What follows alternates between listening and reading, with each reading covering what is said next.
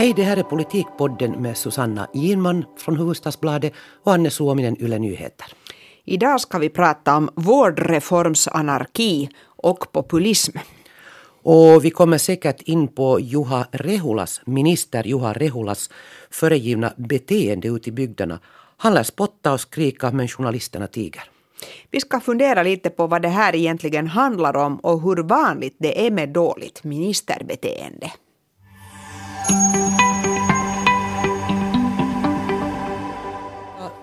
Vi ska börja med det här som Susanna kallar för vårdreformsanarki.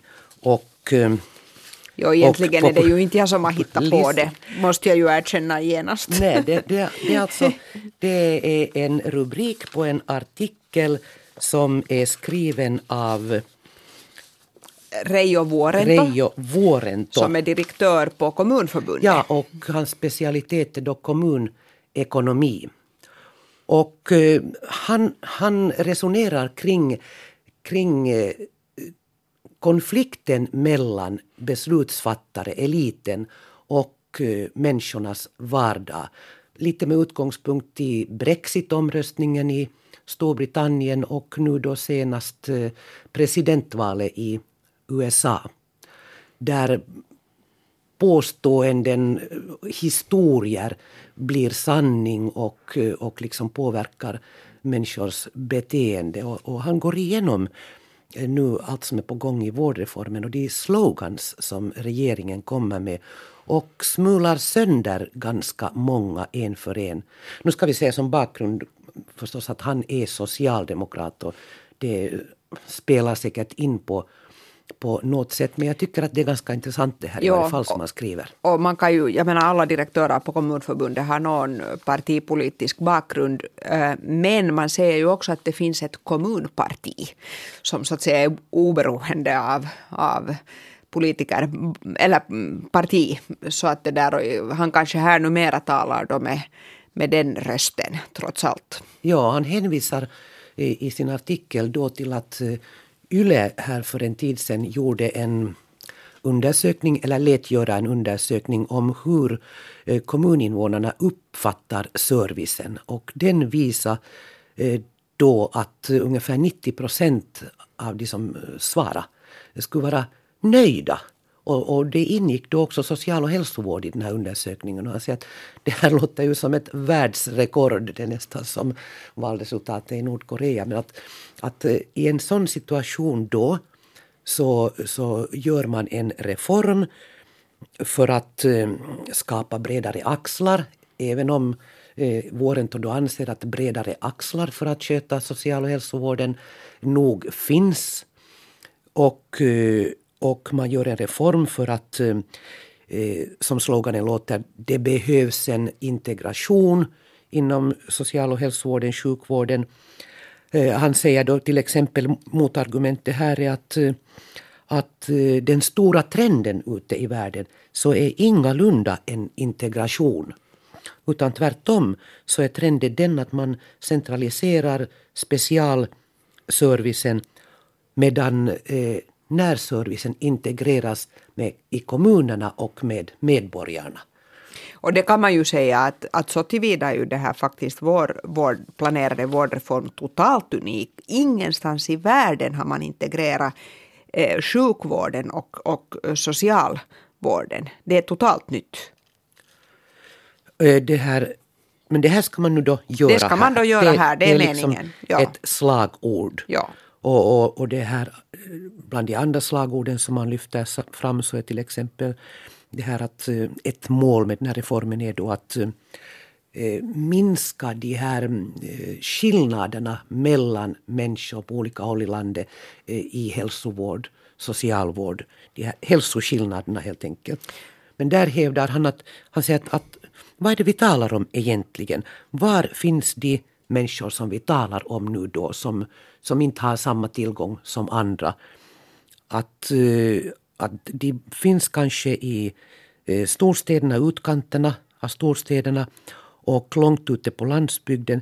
Så vad hjälps de av en reform där man liksom flyttar stora pengar hit och dit och, och mm. slår sönder nuvarande strukturer och bygger upp uh, nya som ingen kan liksom överskåda? Ja, det kan man ju säga att jag menar det finns stora hälso... Det finns stora skillnader i hur folk mår. Det är ju ett reellt problem. Men sen är ju då frågan att kommer man åt det via den här, det som nu planeras? Ja, vi har ju pratat ganska mycket under vägen här i vår podd också om social och hälsovården. Det är lite så evighetstema med, med allt skäl. Mm. Jag menar, nu ligger det ett lagpaket på 900 sidor tror jag det är som, som riksdagen ska ta itu med sen och, och som ja.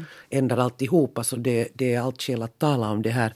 Men, men, och han har den här Reo Vuorento, alltså från Kommunförbundet, så har flera så här slagord som han, han eh, tar upp här och som han eh, dissekerar kan man väl säga. Och sen, det här stämmer inte vad det ni talar om. Men det, det intressanta här är tycker jag ändå slutsatsen att eh, att den här reformen görs inte i samarbete med, eh, med de människor som faktiskt berörs nu och i framtiden. Att det här är en elitreform där, där remissrundorna heller inte har haft någon större betydelse. Det har vi ju sett till exempel i fråga om, om jourförordningen, mm. Vasa, Vasa sjukhuset och, och andra frågor. Att, att man och, frågar nog, men, men det påverkar inte. Mm, precis. Eh, plus då det här, just den här aspekten att, att människor kan ha väldigt svårt att känna igen sig i det här som, som den politiska eliten talar om när de beskriver dels när de beskriver läget just nu eh, och då får man ju nämligen den uppfattningen ganska ofta att det är fullständigt eh, icke-fungerande den vård som nu ges inom den offentliga sektorn. Och det är nog kanske verkligen att ta i. På många håll fungerar det väldigt bra. Även om det finns de här problemen på befolkningsnivå och det finns köer på vissa håll och så här. Men, det där, men då blir det just ett sånt här glapp liksom mellan folks vardag och det som politikerna pratar om. Jag tror att, eh, att det här, det här som, som Rurik Ho Alberg. Alberg. Rurik Alberg. Som han är kom, kommundirektör i Korsholm. Ja, som han lyfte fram i en kolumn i Hufvudstadsbladet nyligen om eh, omsorgsminister Juha Rehulas beteende eh, när han har besökt Österbotten för att diskutera vårdreformen. Jag tror att det på sätt och vis är, är ett bevis på att eh, eliten och folket eller kommunbeslutsfattare när de möts. Så de talar helt olika språk. Precis. De, de, de egentligen, den ena är vardagsnära, sidan är vardagsnära och vet hur det ser ut i verkligheten. Och den andra sidan kanske inte riktigt har den upp om vi lite rekapitulerar så skrev ja. alltså Ruri Karlberg i sin idag-kolumn att uh, han var förvånad och pinsamt berörd av hur, hur då han, var minister, han var chockad hur minister Juha Rehula har uppfört sig när han då har eh, träffat kommun, de kommunala beslutsfattarna i Vasa. Han har ju åkt runt i hela landet liksom och fört de här diskussionerna. Att han har varit argsint och, och ohyfsad och fräst och spottat. Ja. Spottskrik, teatralisk upprördhet, uppenbart felaktiga påståenden i en stridström. Ministerkaliber? Frågetecken. Naturligtvis inte. Och, och jag, jag, kan nästan se Juha Rehula framför mig stå där spottande och skrikande. Men det här diskuterades ju sen också till exempel på Facebook. Och det, det min första reaktion var, jag, jag känner Rurik lite och jag, jag, vet att han kan vara ganska sådär elda upp sig. Och, och så att, att no, no, nu har nog Rurik kanske lite övertolkat och, och så här. Men sen, sen när han själv delade det här på Facebook så visade sig ju nog att också andra hade varit på plats och ja. omfattat omfatta samma syn. Och både, både Svenska Yle och Hufvudstadsbladet har ju följt upp det här. Ja. Och, och, det liksom, de har, människorna har uppfattat det på det här sättet. Att det är så här att han har uppfört sig illa och han har så att säga inte velat höra på deras invändningar och deras helt förstås berättigade frågor. Och när jag satt, jag kan nästan se Juha Rehula framför mig, kanske inte riktigt spotta och skrika men, men, men, men nog eh, bete sig på ett så här lite så här över, över, vad heter det, över, man liksom översittare. Ja, eh, kanske lite arrogant eller nonchalant sätt att- eventuellt. Ja, att det, det var det jag var ute för efter. Jag kan nog se honom bete sig mycket arrogant. Jag, jag har sett honom på diverse mm, bakgrunder där vi journalister har, eh, har deltagit för att eh, så att säga få en inblick i vad som är på gång. Och jag har kommit ut från den varje gång ganska snopen för att, eh, för att jag har inte fått så mycket nytt. Men där har han nog eh, också haft en väldigt arrogant inställning. Han svarar inte på frågor. Han säger att eh, allt blir bra, allt blir bra, allt blir bra. Han klagar över hur stressad han är. Och det såg jag på Facebook att någon också som hade deltagit i någon tillställning där i Österbotten påpekade att han hade klagat på hur han är trött och stressad och jobbar liksom dygnet runt och dygnet runt och dygnet runt. Det ska väl en minister göra, tänkte jag för mig själv. I, i, Jag menar nu inte rent 24, Bokstavligen. bokstavligen 24 timmar i dygnet. Men är du minister och sitter på en stor reform så inte förväntar sig väl någon att du ska ligga hemma och spotta i taket heller. Om du nu inte sen ska spotta ute på... inte ska du, nej, du ska inte spotta på spotta andra heller. nej. Nej, no, det där, jag måste säga också att det där, de här bakgrunderna har ju varit en besvikelse eftersom han gång på gång liksom har börjat från början. Och vi som nu har följt med det här ganska många år, Vi så kan vi början. kan början. Så att vi skulle gärna vilja höra lite mera. Det är en sak. Men en annan sak med den här de här episoderna som, som Ruri Karlberg då nu har skrivit, beskrivit och som då har fått också en större spridning och bekräftat så är ju det att mig sa det ju nog att, det där, att nu är de nog lite illa ute. För att det här, är, det här är inte bara regeringens utan också Juha Rehulas jättestora projekt. Och det finns så mycket prestige i det här och det finns liksom så mycket inlindat att det där. Och hans egen specialmedarbetare sa ju åtminstone åt Hufvudstadsbladet liksom så där lite urskuldande att han har haft en jättejobbig höst och, och det är liksom så här och det, det tycker jag just säger mig liksom att det är nog faktiskt nu, nu liksom är timmen snart slagen och, här man frågar och- sig ja. hur det går. Spott och skrik tyder ju också på att den här stresströskeln, stresströskeln är ganska låg. Precis, just det. Ja. Men det här när du sa att, att timmen snart är slagen, det börjar bli bråttom så, så kan jag inte låta bli att berätta en Juha Rehula, om en Juha Rehula bakgrund som jag var på där. Han, han är alltså en mästare på att rita. Han, han ritar klossar och, och mm, scheman och allt för att förklara grunderna då i vårdreformen för journalister gång på gång. No, men den här gången hade han då beslutat sig för att bygga upp en liten pyramid av, jag minns inte om det var kaffekoppar eller om det var yoghurtburkar. Det var kanske så att det var frukost samtidigt mm, och, och det var yoghurtburkar. Nå, hur som helst så skulle han bygga upp en pyramid för att vi då på riktigt ska förstå det här med vårdreformen. Att här har vi då grunden med så och så många burkar som heter det och det och det och sen kommer nästa lager med så och så många burkar som heter det och det och det. Och, och, och det här, jo, allt var begripligt och bra, men när han skulle lägga på den här sista burken på toppen så tror det eller ej, men allt rasade ihop. Så, så jag tänkte nog ändå, och var säkert inte ensam om det, att ja, är det här nu ett liksom omen för hur det här Precis. kommer att gå. Ja. Men vi lovar att prata lite om ministrars dåliga Ja. beteende överhuvudtaget. Är det nu bara Rehula, har vi sett av det här överhuvudtaget annars? Att andra ministrar skulle bete sig under åren? Dåligt, spotta och skrika? Ja, alltså nu har man ju sett det. Jag menar det där klassiska journalistexemplet är ju, är ju bara det här att de inte vill svara på frågor förstås. Att, och det vet, det vet vi ju då av erfarenhet att, att sen just när det drar ihop sig och när det har uppstått konflikter så då hur, hur nya regeringar än har bedyrat till exempel då när SKAH blev statsminister att man skulle vara så öppen och alltid tillgänglig och svara på frågor så inte inte gjorde man det sen ändå när det var några konflikter på gång utan, utan hur, hur vi än sprang efter SKAH så, så fick vi honom inte att säga någonting. Men det är ändå ganska milt. Liksom. Jag menar det, det förstås kan man ju kanske säga att det är också deras rätt. Eh, Fast man skulle vilja att de skulle svara på frågor. Men, men nu finns det Det ju. sådär riktigt, riktigt dåligt beteende, Mm. fult beteende tycker jag. Till exempel att nuvarande presidenten eh, Sauli Niinistö sysslar med då han var riksdagsledamot och minister. Eh, nu tycks han ju vara mycket emabel och säkert växer man till sig så att säga. Men, men han var nog mästare på att fräsa riktigt fult. Och jag minns till exempel att um, Samlingspartiet hade ett innan partisekreterare som hette Maja Perho då han var eh, partiordförande.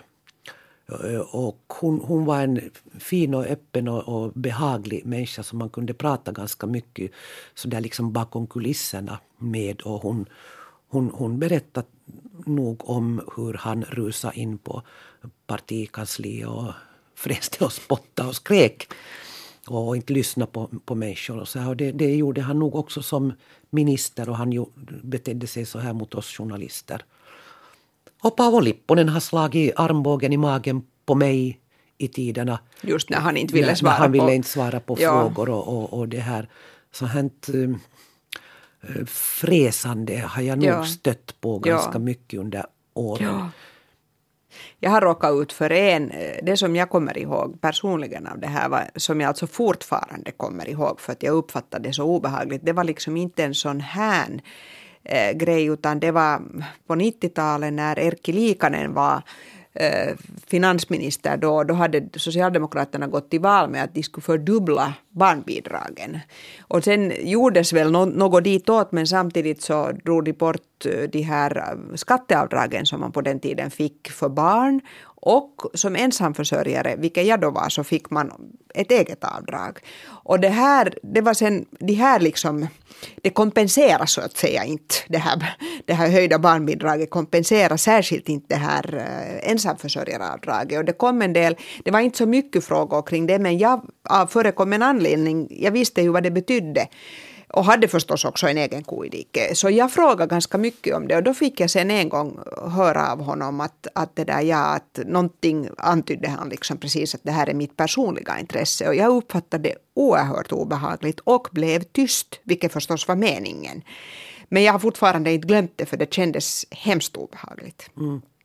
För det var ju av ett allmänt intresse, Absolut. det var inte bara mitt intresse. Absolut. Och så har vi nog, vi minns säkert båda eh, Raimo Vistbacka. Nu minns jag inte han, var trafikminister, han var trafikminister vill jag minnas. Ja, på ett eh, Nordiska rådets möte i tiderna så stumpade han sin cigarett eh, på en kvinnlig journalists ben. Hål i strumpan och allt det här och det var ju inte speciellt eh, snyggt gjort av Nej. minister. Och, menar, under åren har man också hört, hörde man om Tarja Halonens eh, humör. kitsliga humör. Ja. ja. Men, men nu till exempel då i samband med det här eh, Rehulas beteende där i Österbotten så frågas det eh, bland annat då på Facebook att men, men fanns det inga journalister på plats? Varför skriver inte journalister om sånt här? Och, och det här eh, det har tydligen funnits journalister där i Österbotten. Och min fråga då eh, för mig själv var lite det här att eh, jo, man borde absolut skriva i tiderna skrevs det om Vistbacka, ja. vad jag minns. Ja, jag tror att det var så. Och, och, och det har skrivits, jag har själv till exempel skrivit om mm, Hallonens dåliga humör och om Niinistös uh, utbrott. Ut, utbrott och så här i sådana till exempel profiler inför något val, inför ett presidentval. Men inte går man ju omkring och skriver varje dag om att aj, aj, nu har den här ministern fräst åt mig.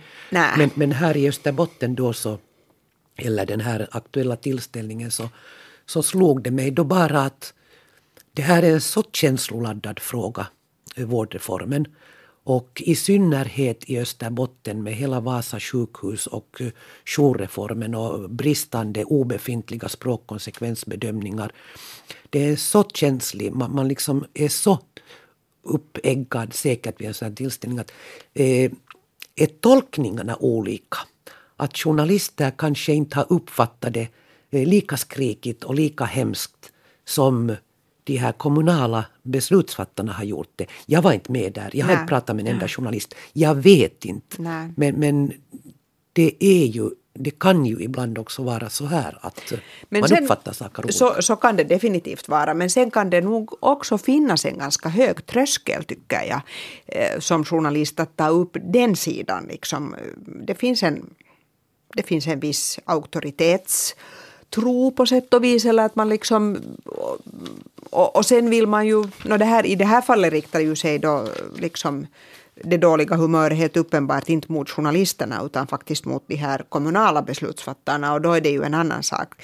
I det fall det riktar sig mot journalister så är det ju alltid det här att ska man då lyfta upp liksom ja. sig själv. Ja. För det har vi ju, vi har ju liksom kanske en viss benägenhet att vara hemskt intresserade av medier och journalistik, själva. det vill säga oss själva och det där och det måste man alltid lite se upp med så att det där men, men det där men så är det förstås att det kan finnas olika Eh, uppfattningar. Men det kan också hända att, att jag menar inte inte ligger det nu så hemskt långt ifrån att tänka sig att, att Juha Rehula tycker att nu är han minister och nu ska alla lyda och ställa sig i led eh, liksom och, och, och, göra som han vill. Just för att det här är så prestigeladdat. Han är ju annars från tidigare känd liksom som en ganska sån här lopsacka mies. Eh, det vill säga ganska sådär lättsam och liksom lätt att ha att göra med. Mm. Så jag tycker att det är ännu ett bevis för att, att, att han nog faktiskt, att det är faktiskt nu ganska svårt ja. det här. Ja, jag fick nog det intrycket här nyligen också när den här eh, runda bordsdiskussionerna hölls i riksdagen om...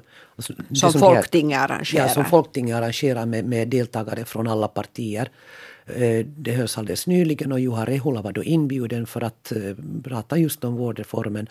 Och nu fick jag det intrycket efter det mötet då jag talade med dem som deltog att han hade varit ganska arrogant där också, att man liksom inte riktigt fick ur honom någonting.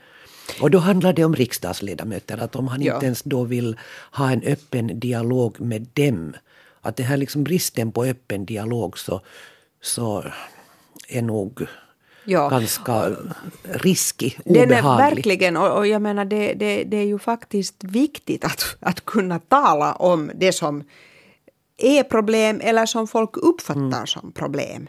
Att annars är, det, är ju inte beslutet förankrat.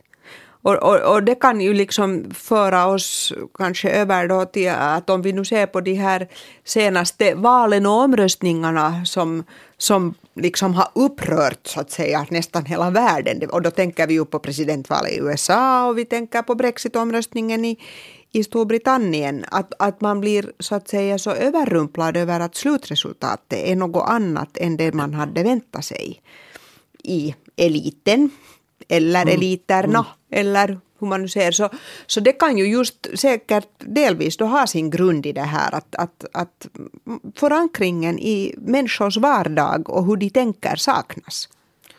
Ja, och, och det här nu har ju många frågat sig, kan, kan det här hända också i Finland? Kommer den här eh, jänkivågen hit nu? Nu, nu, har vi ju flera val i Europa här. Precis, och, det, och nu frågar man sig framför allt att vad kommer att hända där ja. i Frankrike och Tyskland då? Men när den här ja. frågan har ställts då om, om, om det här kan hända i Finland också så, så åtminstone de svar jag har hört så har gått ut på att nej, nej, det här är ju Finland. Finland är ju annorlunda, det här är Finland. Okej, så är det. Förstås, alla länder är olika.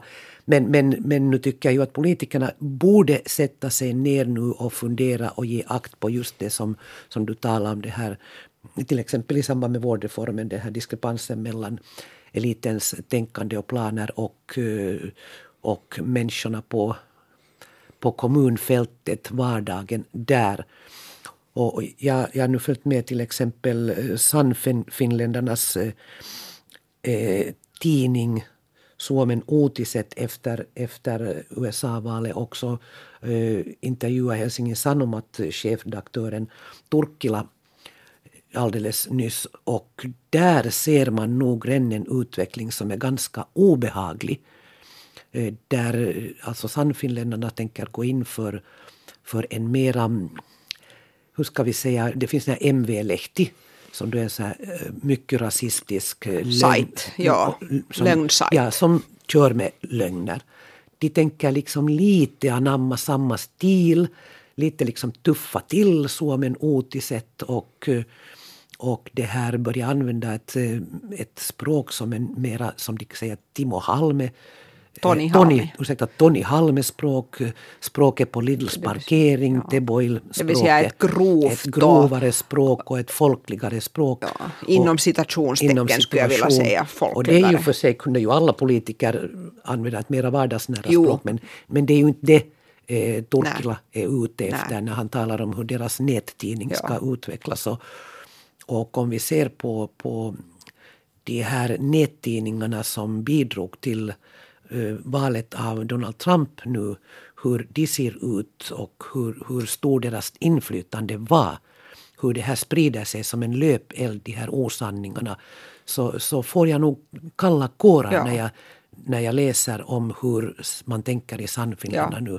Pekka Vennamo, för övrigt en av den tidigare ordförande landsbygdspartiet, så han eh, kommenterar det här någonstans med att Suomen Uutiset har långa traditioner som papperstidning i tiderna. Den För landsbygdens- för landsbygdspartiet grundade den.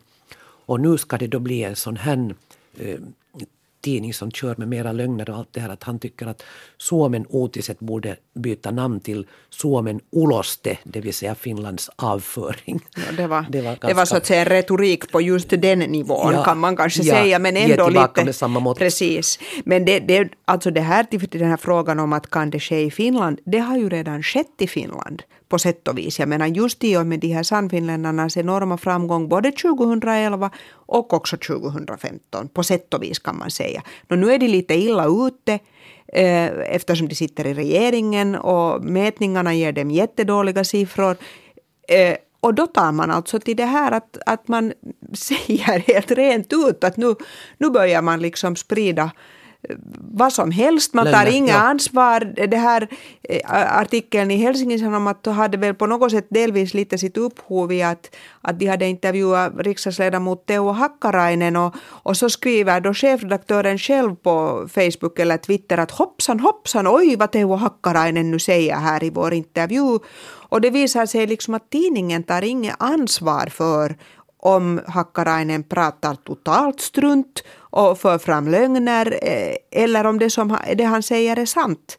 Alltså man har lite samma taktik som till exempel Facebook nu har, att de har absolut, de är bara en plattform, de har absolut inget ansvar för innehållet och det påverkar ingenting och så här liksom att de har inget ansvar och det här är ju alltså verkligen ganska skrämmande.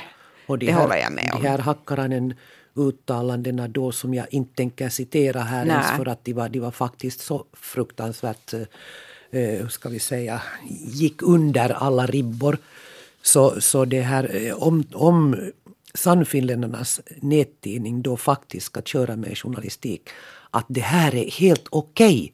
Vi ställer inte en motfråga, vi ifrågasätter ingenting. För det här är liksom vår tidning, det här är vår journalistik. Så som du sa, det är grymt skräm motivering till att han så att säga släppte igenom de här hårresande uttalandena eh, som alla vet att, att liksom inte stämmer. Så Alla, igen, i i citationstecken. Ja, ja. Så, så det här, hans motivering till att Hakkarainen får säga sånt här oemotsagt så var att man vet ju aldrig för att det kan ju hända att, att eh, det stämmer någonstans eller att det liksom stämmer delvis. Att därför får han säga det för det kan ju och det kan kännas som att det är sant. Ja, och det har också eh, Sannfinländarnas partisekreterare eh, Slunga Poutsalo sagt någonstans liksom att det spelar inte, inte, det spelar inte så stor roll om någonting är sant för om det känns så så då måste liksom Sannfinländarna ta fasta på det eller kan föra saker vidare liksom som så att säga känns rätt. Och, och det här, eh, man, ja, alltså jag blir nästan lite sådär uppgiven att, att det där, vad ska vi ta fasta på om det är så att det inte längre spelar någon roll om saker är sant eller inte och vad liksom fakta är och vad, vad, vad som inte är fakta. Att då blir man ju ja, lite uppgiven faktiskt. Och i Sannfinländarna tycks ju linjen vara den att, att eh, ingen bryr sig liksom i partiledningen eller, eller kanske de tycker egentligen att det här är okej. Vi vet ju inte hur Timo Soini tänker eftersom han aldrig säger någonting. Nej, för han håller ju sig långt borta från det Ja. här. Och jag tror att Timo Soini kommer att sluta som ordförande för, Det kommer han före nästa riksdagsval och han, han befattar sig därför inte med det. Liksom efter honom syndafloden kanske. Ja, jag skrattade lite när jag läste någonstans någon sannfinländare som, som såg då resultatet i presidentvalet i USA som, ursäkta, som ett tecken på att Timo Soini kommer att vinna nästa presidentval Jo. här om han ställer upp. Och Jo. jag tänkte för mig själv att Timo Soinis tåg där är nog Finland. Det har Jag läste nu. det där samma citat, jag tror att det var Karjalainen. Ja, de var nog så på så fel spår vad allt beträffar. För att Ja. Timo Soini har sagt väldigt klart att han kommer definitivt inte att ställa upp i presidentvalet, till exempel. Ja. Och dessutom har han ju ett ganska stort motstånd. Men det kan man ju säga om Tim, Timo Soini att han är väldigt skicklig på att tala så folk förstår. Mm, jag menar visserligen så ibland blir det kanske lite mm, mot Katsuorik så att säga, det vill säga att han, han går inte nu in i alla nyanser och komplicerade frågor. Eh, så är det definitivt. Men, det där, men våra andra politiker skulle nu verkligen kunna lära sig att tala eh, på ett språk och på ett sätt som gör att folk hänger med. För det gör man inte idag där, när du säger att Timo Soini drar så att säga motkat, vad heter det på svenska, raka rör? Ja, han, nåja. han, han retar ut så mycket att nåja, nyanserna och alltihopa så försvinner på vägen. Men, men han sa häromdagen i sin blogg, där han ju just håller på med det här. Ja, då talar han ju sitt till sina Ja, partiets till sina anhängare. Eller var det här till och med någon intervju där han sa att eh, det sägs nu att man inte får ge, det vill säga vi att vi inte får ge enkla svar på komplicerade frågor. Men visst får vi det. Och då blir jag ju också lite så här ställd att okej, frågan är komplicerad men det är helt, helt tillåtet att en politiker ger ett enkelt svar. Om det vore så väl att det skulle fylla, finnas enkla svar på komplicerade frågor så fine, kör med det. Ja. Men så är det ju inte. Nej, så är det ju Komplicerade frågor, och det är ju det problem, problematiska ofta i politiken, att det mesta är så komplicerat att politikerna borde ge sig tid att ge Ja. utförliga och komplicerade svar. Ja. Och lita på att människor har en förmåga att förstå, ta till sig och sen dra sina slutsatser. Men att som Timo Soini säger, komplicerade frågor men det är okej med enkla svar. Ja. Så då är vi nog ute i Nej, ett precis. träsk Nej, där populismen exakt. kommer att frodas. Ja, nej, och, det, och det är det där... eh, Jag tycker ju att man här ser då, eh, om vi nu håller oss till Finland, som vi nu ändå kan bäst, så ser man ju liksom det här att partierna har ju blivit valorganisationer. eh, Och de är inte partier på samma sätt som de var förr, då de också hade faktiskt en sån här lite folkbildande uppgift. Det vill säga att när man förde, man diskuterar saker inom partiorganisationen och liksom ända ner på, då på liksom fältet i de enskilda partiavdelningarna. Det var ju samtidigt en slags folkbildning där man visserligen förstås förde fram just det egna partiets syn på saker men samtidigt så diskuterar man ju det. Nu har det blivit valorganisationer, det enda som gäller är att vinna valet och, det där, och den här andra aspekten har på något sätt fallit bort väldigt mycket. Och jag menar folk är inte heller de är ju inte medlemmar i partier, de är inte aktiva på samma sätt som förr. Så det, ju, det finns ju inte någon återvändo till, till hur det nu var på 40-talet eller 50-talet förstås. Men det skulle ju gälla att hitta det här liksom nya sättet att, att återupprätta den här diskussionen som skulle förankra saker hos människor. Och, och, och det fungerar ju också åt andra hållet. Det vill säga att då får ju de här politikerna som sen utgör den här politiska eliten, de får liksom också en uppfattning om att hur, vad, vad tänker folk på, hur reagerar de, vad är de oroliga för? Och där tycker jag liksom att det finns ett, ett glapp som sociala medier inte har fyllt eh, igen, även om det skulle finnas på något sätt den möjligheten. Men jag tycker inte att om man ser det. Inte har ju till exempel de här partierna gått in som partier eh, eller lokalavdelningar eh, aktivt på sociala medier. Där Mm. man ändå kanske kunde i dagens värld föra också Mm. ordentliga politiska diskussioner och eh, skapa en kontakt till till eh, väljarna så att säga. Ja. Men det blir intressant att se att nu, nu ska vad jag har förstått både Socialdemokraterna ha arbetsgrupper och, och, och också andra partier. Jag tror att Centern ska, var det så att de ska förnya sitt De, principprogram? sk- de håller på att förnya sitt att, att det principprogram. pågår ju arbete nog i alla partier, eller de flesta partier Ja. åtminstone just nu. Dels med organisationen, i synnerhet i Socialdemokraterna, Mm. som, som väl också ska på något sätt förnya Jo, en det ska, gång alltså det ska, de ska, i- och sitt, parti, sitt principprogram också är det meningen.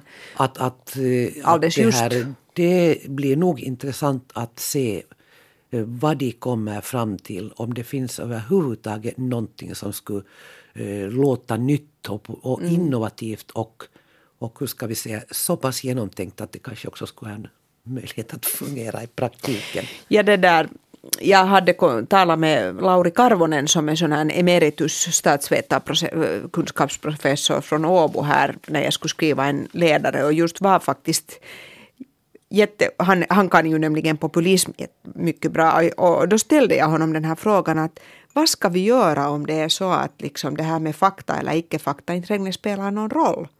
Och då sa han bara att man måste bara lita på att det kommer en motreaktion. Att det, att det kommer liksom nya människor som, som inte godkänner det här, att det, det räcker att det känns rätt, utan faktiskt kräver att fakta och sanning så att säga ska fram. Eh, och så jag hoppas att han har rätt, att det är på det sättet. Eh, jag håller med dig Susanna. Ska vi avrunda med Lauri Karvonens optimistiska framtidstro? Så gör vi. Tack för oss. Tack för oss.